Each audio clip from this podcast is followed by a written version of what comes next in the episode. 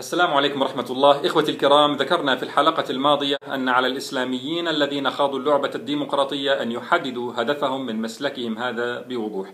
هل هو تطبيق الشريعة أم إصلاحات جزئية؟ أما إن كان الهدف تطبيق الشريعة وأسلمة المجتمع فإنه ليس من سنة الله تعالى أن يأذن للمؤمنين بالوصول إلى هذا الهدف العظيم من خلال التنازلات والمشاركة في لعبة تجعل التشريع لغير الله تعالى. والله سبحانه هو الذي قرر أن أعداءنا ولا يزالون يقاتلونكم حتى يردوكم عن دينكم إن استطاعوا. وأعداء الشريعة كأسيادهم من اليهود والنصارى لن يرضوا عن أحد حتى يتبع ملتهم. وقد مكروا مكر الليل والنهار وحبكوا دساتيرهم وقوانينهم وسدوا منافذها وثغورها أمام من يحلم بأن يطبق الشريعة من خلالها. وقد كان من أكبر الأخطاء التي وقع فيها بعض الإسلاميين في أيامنا هذه الغفلة عن هذه الحقائق وتوهم أن الجاهلية تهادنهم إذا هادنوها. والاغترار بوعود أعداء الشريعة الذين أوهموا الإسلاميين بإمكان الوصول إلى الشريعة وتطبيقها بطرقهم الرسمية. وأود هنا أن أذكر معنى كلام سيد قطب رحمه الله في ظلال قوله تعالى وقال الذين كفروا لرسلهم لنخرجنكم من أرضنا أو لتعودن في ملتنا فأوحى إليهم ربهم لنهلكن الظالمين ولنسكننكم الأرض من بعدهم ذلك لمن خاف مقامي وخاف وعيد. هنا تتجلى حقيقة المعركة وطبيعتها بين الإسلام والجاهلية. إن النظام الجاهلي بطبيعة تركيبه العضوي لا يسمح لعنصر مسلم لا يسمح لعنصر مسلم أن يعمل من داخله إلا أن يكون عمل المسلم وجهده وطاقته لحساب النظام الجاهلي ولتوطيد جاهليته. والذين يخيل إليهم أنهم قادرون على العمل لدينهم من خلال التسرب في التجمعات الجاهلية والتميع في تشكيلاتها وأجهزتها هم ناس لا يدركون الطبيعة العضوية لهذه التجمعات. هذه الطبيعة التي ترغم كل فرد داخل هذه التجمعات أن يعمل لحسابها ولحساب منهجها وتصورها. لذلك يرفض المؤمنون أن ينخرطوا في الأنظمة الجاهلية. وهنا يفصل الله بين المؤمنين والطغاة الذين يقفون في وجه الدعوة. فأوحى إليهم ربهم لنهلكن الظالمين ولنسكننكم الأرض من بعدهم. ذلك لمن خاف مقامي وخاف وعيد.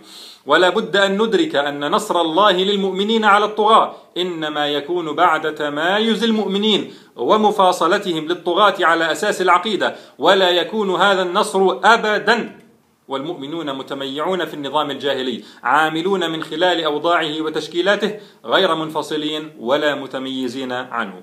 اذا كما قال الإمام مالك لن يصلح آخر هذه الأمة إلا بما صلح به أولها. وقال عمر بن الخطاب رضي الله عنه من قبل فمهما نطلب العز بغير ما أعزنا الله به أذلنا الله. ولم يعز الله أول هذه الأمة بالتنازلات بل بالثبات والتضحيات. لقد صدر الغرب الديمقراطية إلى العالم الإسلامي لا لتكون بديلة عن الدكتاتورية بل لتكون بديلة عن الإسلام. لذا فهي ديمقراطية مشروطة بألا توصل الإسلاميين إلى الحكم. بل هذا هدفها ألا يصل الإسلاميون إلى الحكم. وقد صرح الساسة الأمريكان وأذنابهم بذلك مرارا أن الديمقراطية ليست لأعداء الديمقراطية. الديمقراطية لا توصل إسلاميا إلى الحكم. وإن أوصلته فبعد أن تنزع منه إسلاميته. كما تعرى صاحبنا الذي أراد إنقاذ الأيتام.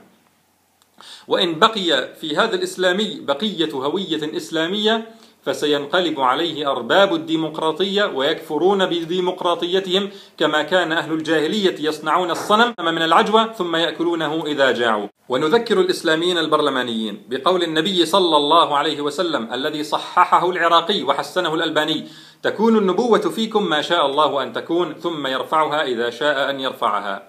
ثم تكون خلافة على منهاج النبوة فتكون ما شاء الله أن تكون ثم يرفعها إذا شاء أن يرفعها. ثم تكون ملكا عاضا.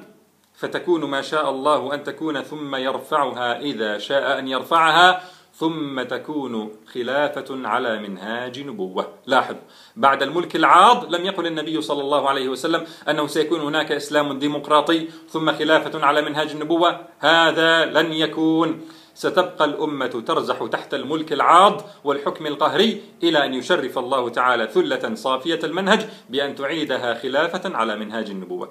ليست الديمقراطية هي الطريق وإن كان بعض الإسلاميين يستسهلها ويراها طريقا محفوفة بالورود قليلة التضحيات فيسلكها من أجل ذلك فهو كرجل أراد الوصول إلى قمة لكنه رأى طريقها وعرة موحشة ورأى في المقابل طريقا ممهدة محفوفة بالورود فيها من يأنس بهم لكن عيبها الوحيد أنها ليست مؤدية إلى القمة بل عكس اتجاه القمة. فما تزيده هذه الطريق عن القمة إلا بعدا فآثر صاحبنا أن يسلك هذا الطريق. وما الفائدة في السير سريعا وبسهولة إذا كان عكس الاتجاه المطلوب؟ ونسأل الإسلاميين البرلمانيين هل لديكم مثال واحد من التاريخ أتى فيه فقه التنازلات بدولة إسلامية وتحكيم الشريعة؟ استعرضوا التاريخ وأتونا بمثال واحد. وبعد هذا فالواقع كله يشهد الواقع يشهد وستتكشف الحقيقة أكثر فأكثر يوما بعد يوم. أنه لن تقوم للإسلام قائمة بطريق التنازلات والبرلمانات والدساتير الوضعية بل لن تزيد هذه الطريق المشروع الإسلامي إلا بعدا عن إقامة الدين. فستذكرون ما أقول لكم فستذكرون ما أقول لكم وأفوض أمري إلى الله. ستبدي لك الأيام ما كنت خافيا. ويأتيك بالأخبار من لم تزودي إذا نقول للإسلاميين البرلمانيين كونوا واضحين وصرحاء مع أنفسكم وقولوا إنما هدفنا إجراء بعض الإصلاحات وتقليل المفاسد. حينئذ نقول العمل الإسلامي والمشروع الإسلامي أجل من أن يكون ترقيعيا ترميميا يرتق فتق النظام الجاهلي. ثم لو كانت إصلاحاتكم الجزئية هذه دون تقديم تنازلات عن ثوابت عقدية ودون المفاسد الخطيرة الكارثية التي نتجت عن تنازلاتكم لقلنا لا بأس. أما أن تعملوا من داخل النظام الديمقراطي وتضفوا عليه الشرعية وليس من ثم إلا مكاسب ثانوية هزيلة ويكون هذا كله باسم الإسلام فهذا إسفاف بالإسلام وتهزيل لصورته. الأنظمة الجاهلية هي كأبنية أسست على شفا جرف هار آيلة للسقوط. دورنا نحن العاملين للإسلام أن نقول للشعوب هذه الأبنية آيلة للسقوط. اخرجوا منها. لا تشتركوا أيها الناس في العملية الديمقراطية. لا تشتركوا في هذا البناء الفاسد. ليس دورنا أن ندخل في هذه الأبنية ونجري ترقيعات وإصلاحات جزئية ونسد الشقوق فالبناء فاسد غير قابل للإصلاح مؤسس على أسس سيئة أسس ضعيفة آيل للسقوط. وترميماتنا هذه خداع للشعوب وتلبيس عليها وتضييع لوقتها في هذا البناء الذي سينهار. ولذلك فعندما ينهار ستزدرين الشعوب وتلقي بنا في زوايا التاريخ المعتمة مع الهيكليات المهترئة التي سعينا إلى ترميمها. أما لو حذرنا هذه الشعوب من هذا البناء وقلنا لها تعالي أيتها الشعوب فهذا البناء الجاهلي سينهار.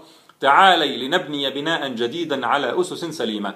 فإنها بمجرد أن ينهار البناء الجاهلي سيصدقنا من كان يتشكك وينضم إلينا من كان يخالفنا ويثق بنا من كان سماعا لكذب أعدائنا ويزيد التفاف الشعوب حولنا. هذا دورنا. ليس دورنا أن نكون ورقة توت تستر عورات الهيكليات الجاهلية وتطيل بقاءها ختاما. فليتذكر الإسلاميون أنهم عندما أعلنوا هوية إسلامية في عملهم السياسي المتعلق بحكم الناس فإن ذلك يتضمن أن تكون أهدافهم هي أهداف الإسلام الذي يحملونه وأعلنوا هويته. فهل يرتضون للإسلام الذي أنزله الله نظام حياة شاملا يخضع الناس لسلطان الله فحسب؟ هل يرضون له أن يكون ترقيعيا ترميميا؟ خلاصة الحلقة. إن كان هدف الإسلاميين من التنازلات واللعبة الديمقراطية تطبيق الشريعة فهذا الهدف أجل من أن ينال بهذه الوسيلة. وإن كان الهدف ترقيعات جزئية فالإسلام أجل من أن يكون هذا هدفه. والسلام عليكم ورحمة الله.